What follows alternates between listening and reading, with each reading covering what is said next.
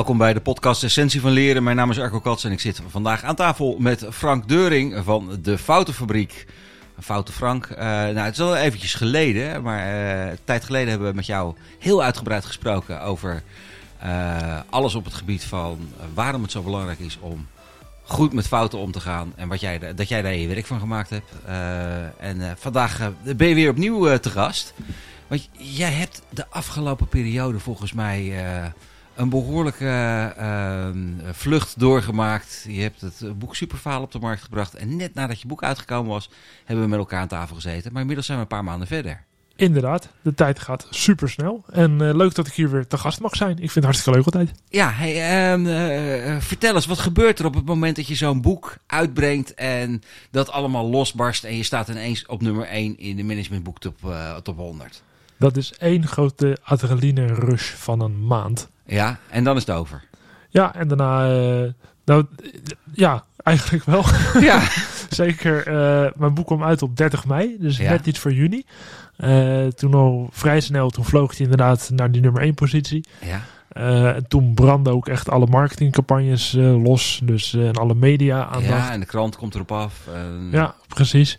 Dus dan ben je eigenlijk de hele week uh, ben je alleen maar bezig met en uh, boekpresentaties geven. Uh, gewoon de opdrachten nog doen bij, bij organisaties. Ja.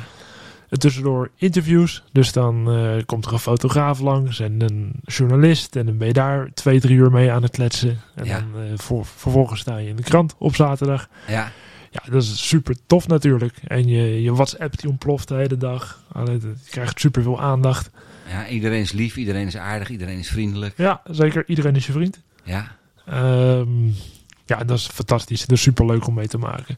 En toen uh, ben ik nog in juli, heb ik nog één week gewerkt. Ja. En daarna begon echt wel de, de zomerstop. Dus dat was echt een beetje afkicken. En ik ben toen de zomer heb ik lekker in Bali doorgebracht. Nou, ik was helemaal kapot. dat kan me voorstellen hey, en uh, want dan, dan heb je die zomerstop en dan kom je terug naar die zomerstop. En, en, en dan? Um, dan gaat het eigenlijk uh, weer verder. Dus die media-aandacht die loopt lekker door. Dat ja. is super tof. Dus als je eenmaal een paar journalisten kent die, uh, waarmee je prettig hebt samengewerkt, dan vertellen ze het ook wel door aan collega's. Ja. Dus uh, toen kwam er in één keer een interview voorbij met de Libellen. Uh, en zo nog een paar andere dingen. Ja. En opdrachten die lopen ook lekker door. Dus er komen leuke klussen binnen. En, en, en begin je nu ook nog andere markten uh, te bewerken? Want ik kan me voorstellen, als je in de libellen staat, uh, dat daar een, een heel ander publiek naar kijkt dan wanneer je in de intermediair staat. Um, daar heb ik nog niet zoveel van gemerkt merk wel dat er vanuit die media-aandacht dat er uh, een aantal opdrachten binnenkomen. Ja. Uh, maar dat ligt ook wel in het verlengde van een beetje de markt waar ik al in zit. Dus dat is eigenlijk gewoon overheid, grote overheid. Dus gewoon de gemeentes, maar ook uh, grote clubs zoals een Belastingdienst, UWV, ja. de SER, dus de Sociaal-Economische Raad. En daarnaast een stukje MKB. Dus ja. consultancyclubs, bedrijven tot ja, 250 mensen, 500. Mhm. En het leuke daarvan is, is dat die heel snel dingen kunnen integreren. Kijk, als je bij een uh, overheid bent, dan moet er eerst weer vier keer vergaderd worden. En dan gaan ze het proberen. En dan heb je, zijn ze bezig met draagkracht en mensen meekrijgen. Ja. Terwijl ik was een tijdje geleden bij een MKB-club. Er werkten 40 mensen. En die zeiden van, oké, we gaan uh, fouten bespreekbaar maken. Jij vertelt, je moet een vaste plek of een vast moment creëren. Na één keer in de twee weken gaan we op uh, onze vaste meeting, zetten we het op de agenda. Wij gaan fouten delen. Ja, en, en hou je dat dan ook een beetje in de gaten, dat je uh, daar, um, ik noem wat, een, een maand of twee maanden later nog eens eventjes naar terugbelt. Van hoe gaat dat nou? Ehm, vaak krijg ik al berichtjes van die mensen zelf terug. Ja. Dus dan sturen ze een berichtje van. Uh, laatst kreeg ik een bericht, vond ik ontzettend tof. Er was een mevrouw die zei van. Ik ben best wel uh, sceptisch, zat ik erin. Ja. Van uh, ja, fouten delen één keer in de twee weken. Dat, dat hoeft toch allemaal niet. En dat kunnen we gewoon doorgaans in de week al vertellen. Ja. Maar we zijn het toch gaan doen. En ik ben 180 graden om. Ja, want wat, wat doet dat nou? Dat, dat werkelijk het creëren van een moment ervoor. Het zorgt dat de drempel omlaag gaat om die fouten te delen. Ja. Sommige mensen die hebben er geen moeite mee. Die Mhm. zeggen gewoon op de werkvloer tegen hun collega's: Ik heb een fout gemaakt. Ja. Eh, en dan wordt het besproken en dan gaan ze ervan leren. Maar er zijn ook mensen die hebben er veel meer moeite mee. Dus de, de foutschaamte, om Mhm. het maar even zo te zeggen, Mooi eh, die, die haal je weg door het eh, zeg maar een ritueel te maken. Ja, zeker weten. Nou, de, de schaamte die verdwijnt ook gewoon door eh, het delen van een fout. Ja, En sommige mensen die, hebben een, die moeten een drempel over. ja, En als jij een vast moment hebt, dan eh, een paar voordelen heeft het. Het eerste is dat die drempel lager wordt. Dus mensen gaan dan makkelijker naar dat moment toe om die fout te delen. Mhm. En op dat moment zien ze wat er gebeurt bij andere mensen als die een fout delen. En ga, ga je ook op die manier eh, ervoor zorgen dat je bewuster nog op zoek gaat naar wat gaat er fout, zonder eh, oordeel? Eh, het is meer dat als het dan fout gaat, dat het makkelijker op tafel wordt gelegd. Ja, Ehm, ja, die, eh, de, die drempel wordt een stukje lager. Ja, ik, ik kan me voorstellen dat er ook best wel va- vaak fouten zijn. Eh, Als Mhm. ik naar mezelf kijk, eh, ik maak voortdurend maak ik fouten. Eh, en er zijn sommige fouten bij waarvan ik denk van ja, eh, dat is op zich heel fijn om dat te delen. Mhm. Er zijn ook wel eens fouten bij waarvan je denkt van ja, niemand heeft daar echt last van. Mhm. Laat maar zitten. Maar op het moment dat je eh, met elkaar aan tafel zit en je zegt we hebben nu het moment om de fouten te delen. Mhm. Dan komen dat soort verhalen ook weer wat makkelijker naar boven lijkt mij. Ja, zeker weten. En het is eigenlijk gewoon, je hoeft ook niet altijd eh, alle fouten te delen. Soms krijg ik in de workshop de vraag van, moeten we dan alles op tafel gooien? Nee, natuurlijk niet. Sommige fouten, er zijn kleine foutjes, die maak je. En dat is prima, gewoon lekker laten en gewoon verder gaan met je werk. Ja, je moet ook niet die bureaucra- bureaucratie krijgen, wat je af en toe in de zorg ziet, weet je. Dat ze zoveel regels hebben bedacht, Mhm. dat ze vastlopen en gewoon niet meer kunnen zorgen. ja. Maar het mooie daarvan is, als jij structureel die fouten gaat delen en je wordt er wat opmerkzamer over, ja. dan ga je patronen herkennen. En als je die patronen herkent, dan kun je dat weer aanpassen in je werkwijze. Mhm. Dus ik heb een keer een klant gehad die merkte dat ze elke vrijdag dat er wat misging in de bevoorrading van. eh, dat was een tandartsenpraktijk. Ja, Die hadden vijf van die eh, behandelkamers, noem je dat? ja, praktijken. praktijk, denk ik. inderdaad. Ja. Ja. Eh, nee, in het kantoor zelf, in het pand zelf, hadden ze vijf oh, werkruimtes. vijf werkplekken, ja. ja. precies. En nummer vijf, daar was de bevoorrading nooit helemaal op orde.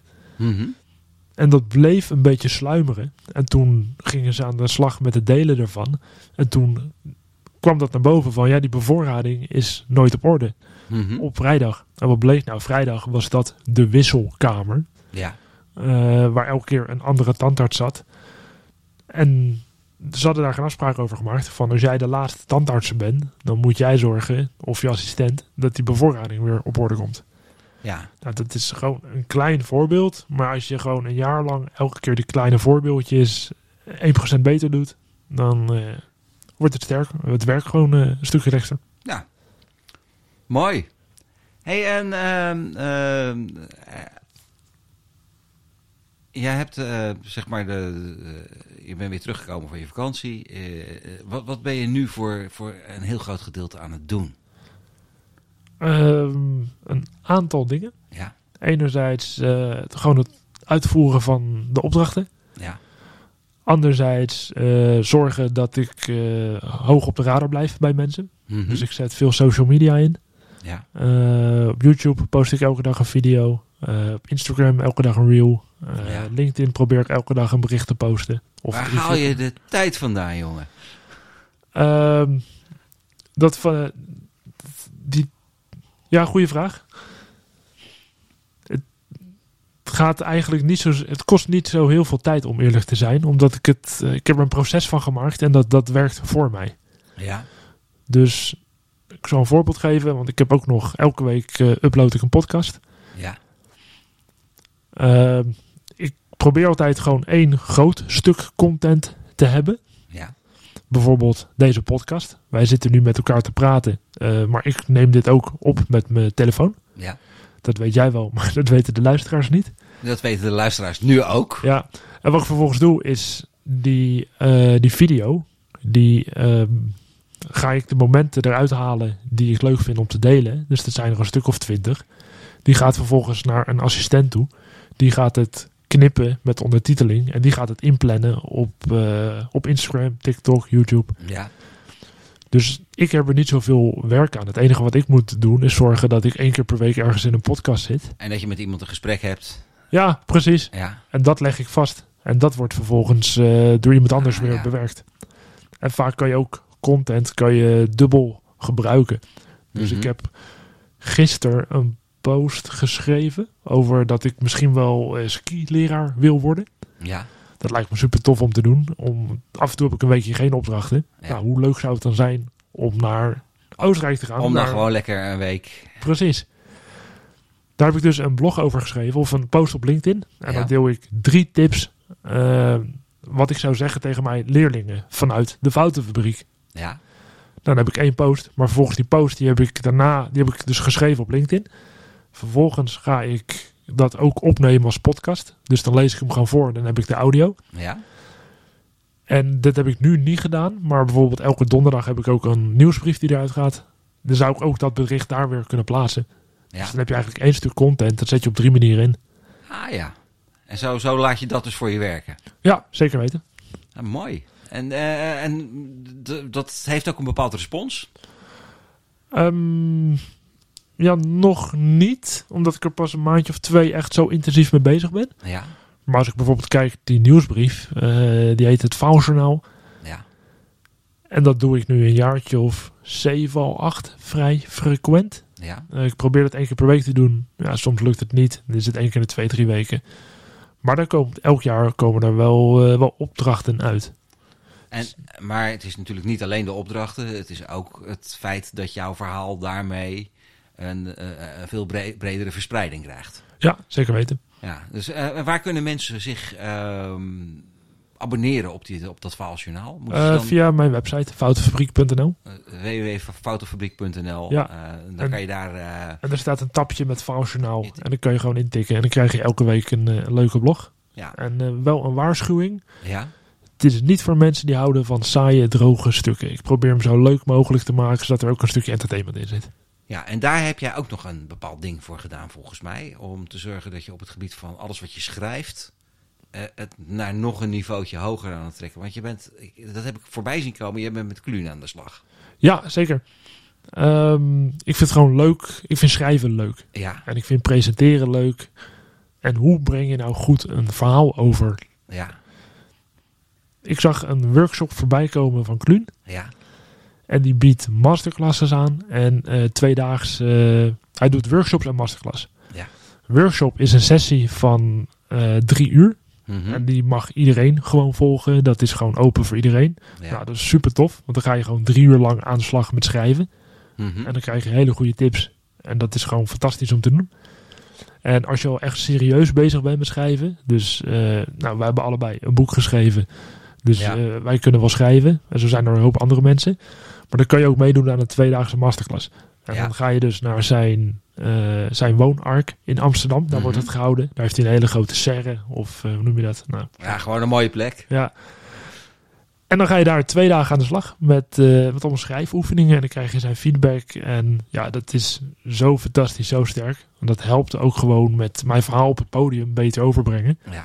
Maar ook met het schrijven van content. Om, om dat beter over de bühne te brengen. Ja, dus en, en als je dan nu even terugkijkt, hè? Want ja. jij hebt uh, jouw allereerste boekje, dat, dat weet ik nog heel goed dat je dat mm -hmm. uh, gemaakt had. Uh, als je daar dan op terugkijkt, wat waren toen de belangrijkste fouten die je gemaakt hebt, waar je van geleerd hebt? Um, nou, sowieso een hele leuke fout die ik toen gemaakt heb, is dat dat was een les die had ik van jou geleerd. Ja. Dat was, je moet hem eigenlijk zo snel mogelijk uh, een deadline stellen om hem uit te geven. Ja. Want anders blijf je er maar in hangen ja. en dan word je lekker productief. Dus ik dacht, oké, okay, gas geven. Over vier weken moet die af. Ja.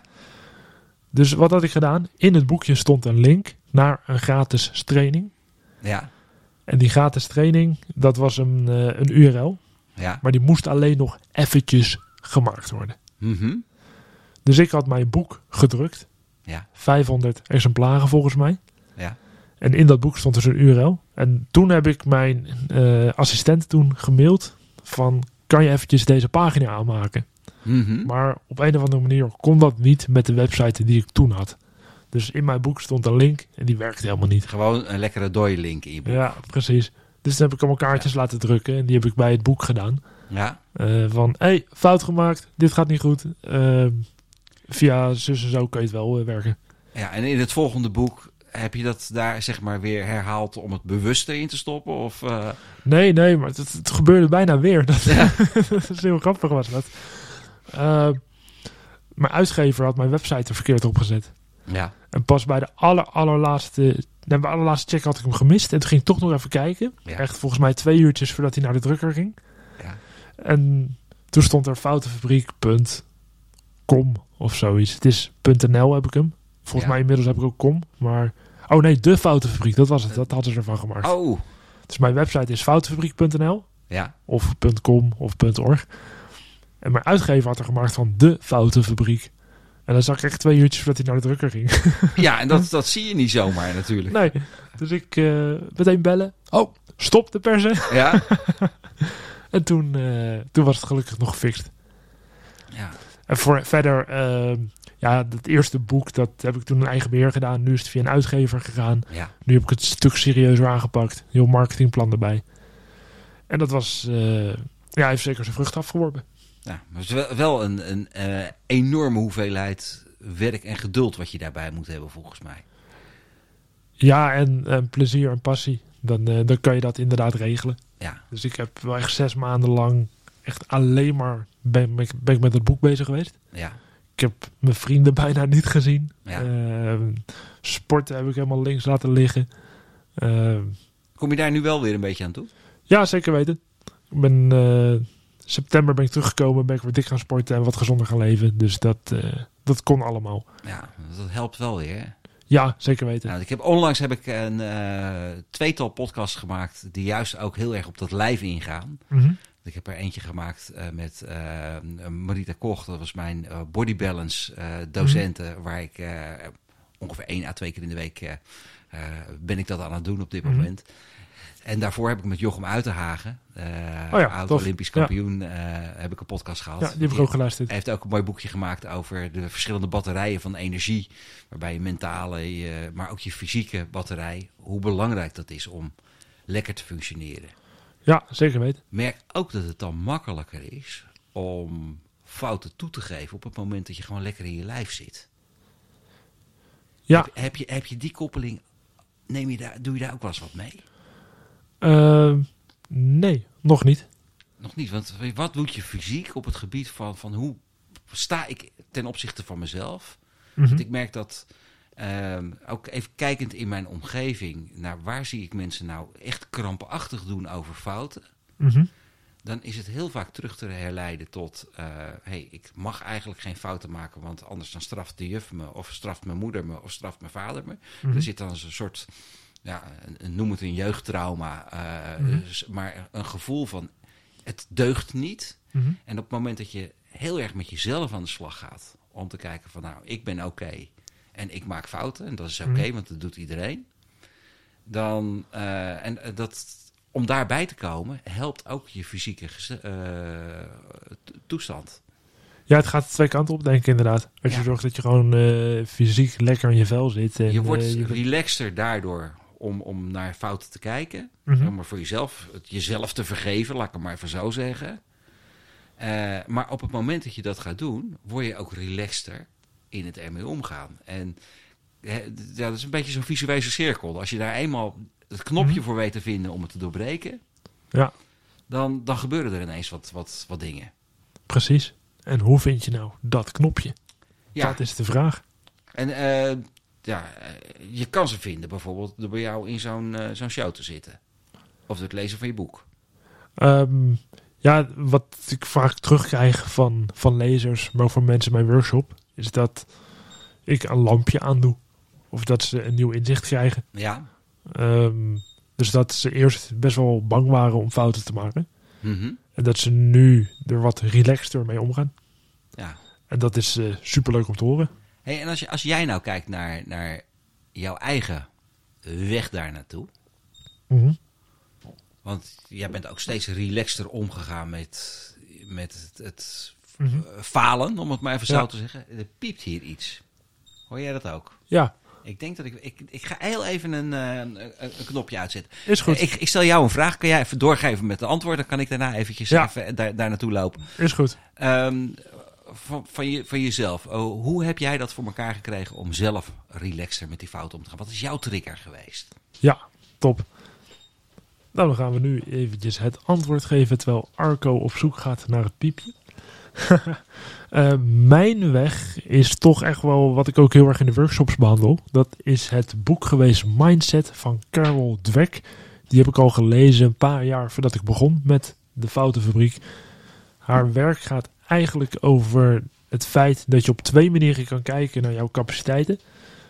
De eerste is vanuit een vaste mindset. Dan stel je vooral prestatiedoelen en ben je bezig met wat andere mensen van jou vinden. En bij de groeimindset, dat is de tegenhanger, dan stel je vooral leerdoelen. En dan ben je bezig met het leren. En als je aan het leren bent, wordt het veel minder erg om fouten te maken. En dat heeft mij ook zeker in een periode van 15, 20 jaar geholpen om wat relaxter met fouten om te gaan. Ehm, ik noem dat nu ook wel eens de ninja-methode. Ninja-methode. Ik ben er weer. Ja. Het, piepje is uit. Heel goed. De hamster is omgelegd. Ja. Ehm, als klein kind wilde ik ninja worden. En toen dacht ik van, hoe word je ninja? Dan moet je twee dingen kunnen. Je moet kunnen vechten. Ja. En je moet salto's kunnen maken. Mm Hoe kan je vechten? Hoe kun je dat leren? Dan moet je op karate. Ja. En hoe kan je salto's maken? Dan moet je op turnen. Ja. Dus dat ben ik toen gaan doen. Nou, een half jaar later, toen wilde ik weer wat anders worden. Dus toen uh, ben ik voor me, uh, mee gestopt. En kan je vechten en salto's maken? Nee, totaal niet. Totaal niet? ik wil het iedereen te vriend houden. Ik ren weg als ik een conflict zie. Ja. Uh, dan ren je niet weg met allemaal salto's. Nee, nee, nee. nee. Misschien, misschien rol ik van de berg af. Maar, maar toen zag ik laatst na te denken. Toen dacht ik, deze methode, die pas ik eigenlijk mijn hele leven al toe. Ja. Dus ik heb een tijdje stand-up comedy gedaan. Dat, uh, toen ben ik dat ook het hele proces ben gaan analyseren. Wat moet een stand-up comedian allemaal kunnen? Ja. Nou, je hebt natuurlijk gewoon het grappen schrijven. Maar je hebt ook improviseren. Je hebt op het podium staan. Je hebt publieksparticipatie. Uh, dat zijn allemaal dingen waarin je kan groeien en kan gaan leren. Ja. Het leuke is om beter te kunnen gaan improviseren. Ben ik toen een cursus theatersport gedaan, mm gaan doen. En daar ben ik weer op het idee gekomen voor de foutenfabriek. Ja. Dus dat vind ik dan ook wel leuk. En die ninja-methode, ja, die pas ik eigenlijk overal op toe. Dus bijvoorbeeld, ik ben nu, uh, ik sta veel voor groepen, ik geef workshops. Dus ik zie het vak spreker ook weer als vijf, zes verschillende onderdingen, onderdelen. Die je helemaal uit elkaar kan trekken en wat je kan gaan leren. Ja. Dus ik heb een tijdje een stemcoach gehad. Ehm, wat heb je daar geleerd? Een aantal dingen. Ja. Dus wat mensen vaak doen als ze hun stem goed in willen zetten, is dat ze heel veel kracht gaan zetten en met heel veel energie gaan praten. Ja, en dan krijg je dus dat overdreven gedoe. Ja, precies. En het is hartstikke vermoeiend. Voor jezelf, maar ook voor je publiek. Precies. Ja, die worden er echt helemaal hor en dol van. Maar misschien is het wel leuk als die adrenaline hoog moet zitten. Maar bereik je iemand ook daadwerkelijk? Ja, en het is fijn om na zo'n rush eventjes rust te pakken. Ja. Dus bijvoorbeeld wat je kan doen, is contrast aanbrengen in je stem. Ja. Dus eerst eventjes vol energie een zin eruit gooien en mensen lekker bij de lurven pakken. Ja. Om daarna in alle rust de punchline te geven. Of weet ik veel wat je geeft. Ja. Dus dat heb ik daar geleerd. Um, en gewoon wat concrete technieken.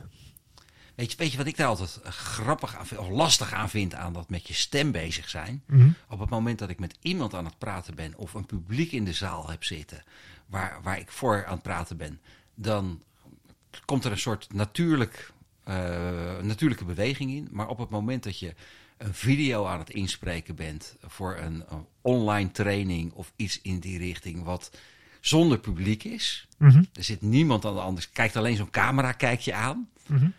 Dan vind ik het zo lastig om dan heel goed toch ook bij die stem te blijven. Oké, wat interessant. Heb jij dat ook? Of doe je dat niet zoveel? Ja, nee, ik doe zeker ook veel uh, video's opnemen. Online trainingen heb ik ook veel gedaan. Ja. Uh, ook webinars uh, waar mensen dus echt alleen kijken en Ja. niet zelf in beeld zijn. Oh ja, waar, waar, waar, dus niemand, waar je geen publiek ziet, voelt. Ja, dat is, dat is raar. Daar moet je aan wennen. Dat is eh, hetzelfde als je zelf terug hoort op video. Dat Ja. is de eerste tien keer ook raar. Ja. Eh, wat ik daarin ontdekt heb, is dat als je het veel doet, dat je dan vanzelf comfortabeler mee wordt. Ja. Nou, wat, ik, wat ik vaak doe dan op zo'n moment is, Mhm. dan zet ik zeg maar even achter die camera, eh, beeld ik me dan in dat daar een stel kabouters staan. die dan echt helemaal juichend naar me staan te kijken. En dat, dat wilde wel eens helpen. Go Arco, Ja. go Arco, you can do it, you're the man. Ja. Oh, wat leuk. Ja, maar dat, dat soort simpele eh, trucjes die. En, en ook het, het heel bewust eh, jezelf opnemen en terugkijken. En denken van dit doe ik fout, dat doe ik fout, dat doe ik fout, dat doe ik fout. En dan probeer je iedere keer er wat uit te halen. Jazeker, ik heb eh, tijdens mijn stand-up comedy periode, ik denk zeker dat ik, nou, ik heb iets van 300 shows gedaan. Ik denk dat ik minimaal de helft gefilmd heb. Hey, zie je trouwens ook dat eh, als we het hebben over hoe mensen omgaan met fouten, hè, dat op het moment dat je zelf daar makkelijker in wordt en je deelt het makkelijker, dat dan de eh, foutschaamte Mhm. eh, wel eens bij de ander terecht kan komen. Ik merk het zelf bijvoorbeeld vrij regelmatig als Mhm. ik met iemand een fout deel, waarvan ik voor mezelf zeg, joh, ik heb dit fout gedaan.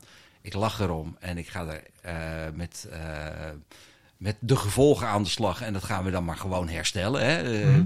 Dat dan de ander eigenlijk wel eens weer terug de boodschap gaan geven van moet je je dan eigenlijk... Is dat niet heel vervelend dat dit fout gaat?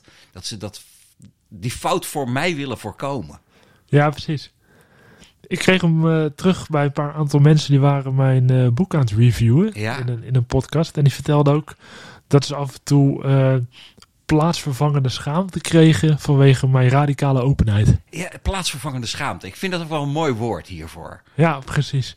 Eh, ik denk als mensen dat aangeven, dat is een enorm compliment. Ja. Want ja, als ze zich bewust zijn daarvan. mhm, Maar die plaatsvervangende schaamte zie ik ook regelmatig vertaald. Niet in het is plaatsvervangende schaamte. mhm. Maar dat ze die eigenlijk ook weer willen gaan bedekken. Ja, en dat is dan echt, eh, denk ik, hun probleem. Ja. En jij bent al heel erg mooi dat je iets wil delen. En op een gegeven moment raak je ze er ook mee besmet. Ik vind een Mhm. prachtig. Ik, vind het, ik zie het als een compliment. Dat ik zo open ben, dat andere mensen zich ervoor gaan schamen, dat denk ik alleen maar ja. Dan, Ja. Dan, dan weet je mensen te raken. Ja. Dus dat, dat, het is een compliment. En hoe kan je daar nou mee omgaan? Ja, het woordje, schaamtelo het woordje schaamteloos komt dan Mhm. bij mij ook naar boven. Hè? Ja, Maar schaamteloos eh, wordt ook nog wel eens door mensen vertaald in... Nou, dat is dan pervers. Ja, Mhm. dus als je schaamteloos bent, doe je allerlei gekke dingen. ja. Maar dat is, dat is helemaal niet... heeft niks met elkaar te maken, die gekke dingen doen of schaamteloos zijn. ja dat, is, eh, dat is weer een verhaal wat opkomt in het hoofd van mensen vanuit hun eigen onzekerheid. Ja. En dat is hun probleem. ja, die denken van als je je niet schaamt... dan ga je allerlei dingen doen die... waar je je voor zou moeten schamen. Ja, ik had laatst een meneer in de, in de workshop zitten en die vertelde ook van... Maar schaamte is toch ook goed? Dan blijf je in het gareel lopen en dan doe je een beetje normaal. Ja, Ja, als dat werkt voor jou, prima. Maar het, het is... Nou, ik denk dat de emotie schaamte, dat het ook daadwerkelijk wel een functie heeft. Alleen, we hebben dat op veel te veel plekken toegepast, dat we ons voor een heleboel dingen zijn gaan schamen, Mhm. waar je je niet voor hoeft te schamen. Nee, precies. E- Evolutionair gezien is het gewoon op het moment dat je iets doet wat de groep niet aanstaat, Dan word je eruit gemieterd. dan word je eruit gemieterd en vroeger ging je dan dood. Precies. Nou, en da- daar is schaamte, heeft daar een hele, net als angst, heeft een hele nuttige functie in bepaalde omstandigheden. Maar die omstandigheden zijn veranderd. Mhm. Dus heeft het voor heel veel zaken geen functie meer. Nee, precies. En dat het is zonde, want het houdt mensen tegen. Ja. En als jij minder last hebt van schaamte, ja, dan ontwikkel je meer lef. Je durft dingen meer. Ja. Je durft jezelf uit te spreken. Je kan wat meer jezelf zijn. Mhm. En het mooie is, vanuit mijn visie, je kan ook leren omgaan met schaamte. Ja. Dus een hoop mensen denken van, ja, ik schaam me nu eenmaal snel. Mhm. Ehm, En dat realiseren is al een heel, hele mooie stap naar het leren omgaan met schaamte. Ja, en ook door gewoon bewust te zijn. Want kijk, angst kennen we ook allemaal. Mhm. Maar angst is, als het goed is, niet je ehm, drijfveer of niet je, je motor van, van je energie waar je naartoe gaat. Eh, de, en met schaamte precies hetzelfde. Iedereen heeft momenten van schaamte. Mhm. Alleen, schaamte moet je niet leiden. Nee, juist, je moet je, het heeft een stukje lef nodig. Je moet Ja. delen waar je over schaamt. Ja, Want dan wordt die schaamte juist minder. ja, Dus als jij in een vertrouwde omgeving kan delen van... Hey, ik heb een fout gemaakt vanwege dit en dat. Ik schaam me best wel. Dit is er gebeurd, dit gaan we eraan doen. Nou, dan krijg je een hoop compassie van die andere personen. En dan verdwijnt die schaamte. En, dat en dan heeft die schaamte dus de functie eigenlijk om je te waarschuwen. Mhm, Om te zeggen van, hé, hier heb je iets wat je eigenlijk best wel eens zou kunnen delen. Precies. Dus zodra we schaamte voelen, Mhm.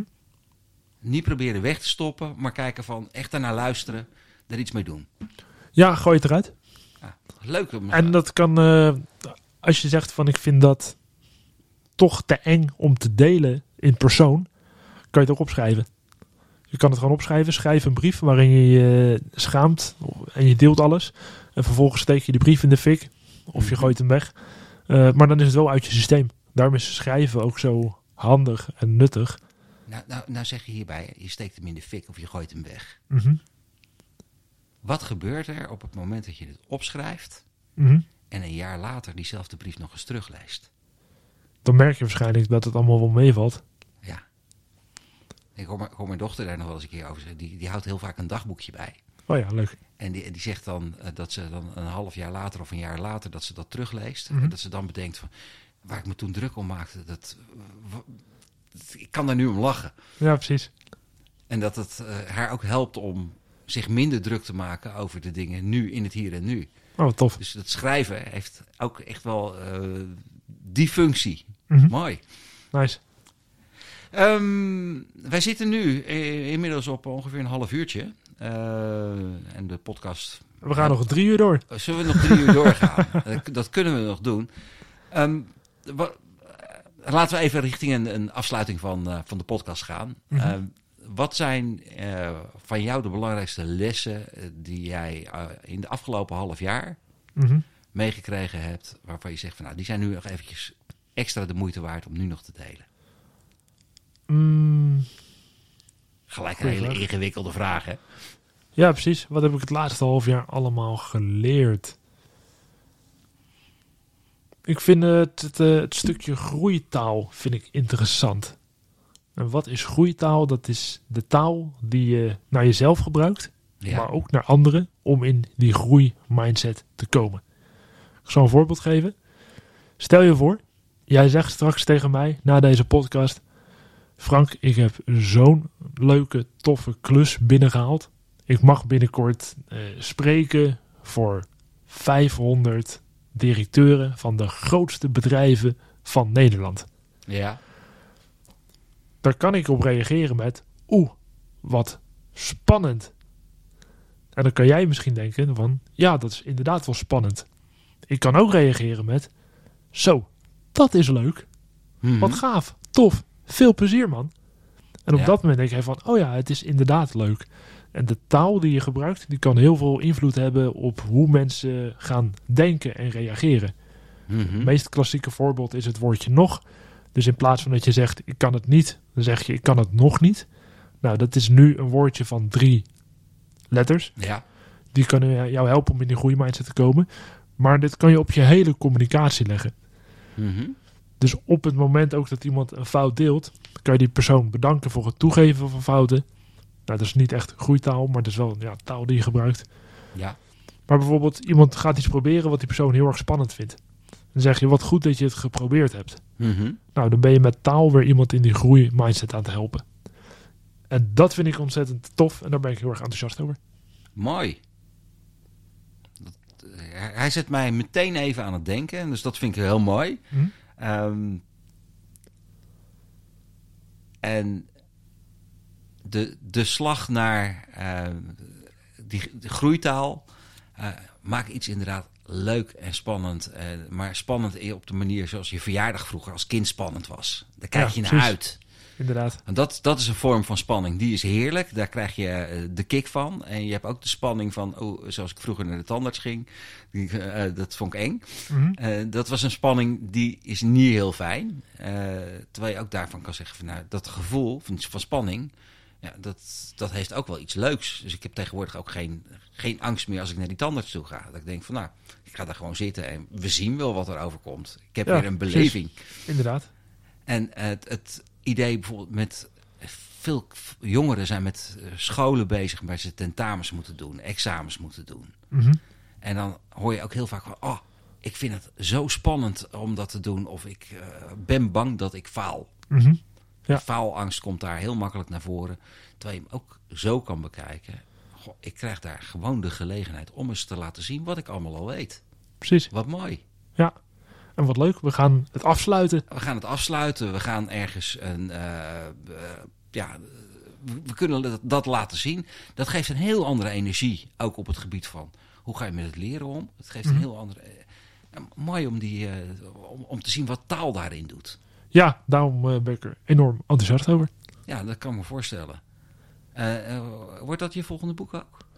Ehm, misschien. Misschien. Ik denk, volgend boek komt er pas minimaal over een jaar of drie, vier. Ja. Eerst uh, richten op het verkoop van dit boek. Ja. Dus uh, mocht je nu luisteren, www.superfalen.nl. Daar is het boek te bestellen. Ja. Uh, en dit boek wil ik eigenlijk nog twee, drie jaar gewoon blijven promoten en als marketingmiddel inzetten.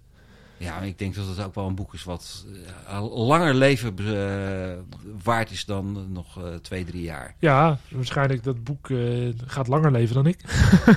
Die kans is sowieso aanwezig. En ja, want hij is nu, ehm, je hebt die top nummer 1 positie van de ja. managementboek top 100 gehad. Mm ben je ook al uitgenodigd voor de boekenbal? Nee, dat, uh, ik had mijn uitgever toen gemaild van... Hé, uh, hey, Boekenbal, mag ik daar ook heen? Want ik heb daar een boek geschreven. En toen zei ze, nee, dat is alleen voor literaire boeken. Ja. Ik zei, nou, je hebt het toch gelezen? Dit is toch... Het is uh, gewoon literatuur? Het is gewoon een meesterwerk. Ja. toen zei ze, nee, maar wat wel kan is... je hebt elk jaar de management boek van het jaar verkiezing. Ja. Er worden 48 boeken voor geselecteerd. Ja. mijn boek is niet geselecteerd. Nou, dat is prima. maar dan zou ik wel daarheen mogen. Als je geselecteerd was? Nee, als ik uh, ook als gewoon als schrijver, oh, dan... Uh, dan... mag ik erheen. Ja. Maar uh, ik vind het helemaal niet zulke leuke events. Dus dan. Jij bent liever gewoon bezig met je publiek. Ja, ik ga liever filmpjes opnemen. Ja. Podcast opnemen zoals nu. Ja. Vind ik veel leuker. Ja, dat, daar kan ik me echt wel wat, wat bij voorstellen. hey, dit, laten we maar gewoon nu verder afsluiten. Ik ga er nog even een muziekje weer in, in knallen om hem uh, af te sluiten. Uh, leuk om weer eens even met jou bijgesproken te zijn over de, ontwikkelingen waar je nu mee bezig bent. Uh, mocht je nou zelf naar deze podcast luisteren en zeggen van ja, maar ik moet en ik, ik moet gewoon nog echt iets doen met hoe wij in onze organisatie omgaan met fouten. Kijk even op www.foutenfabriek.nl. Niet de foutenfabriek, die fout halen we er even, even uit.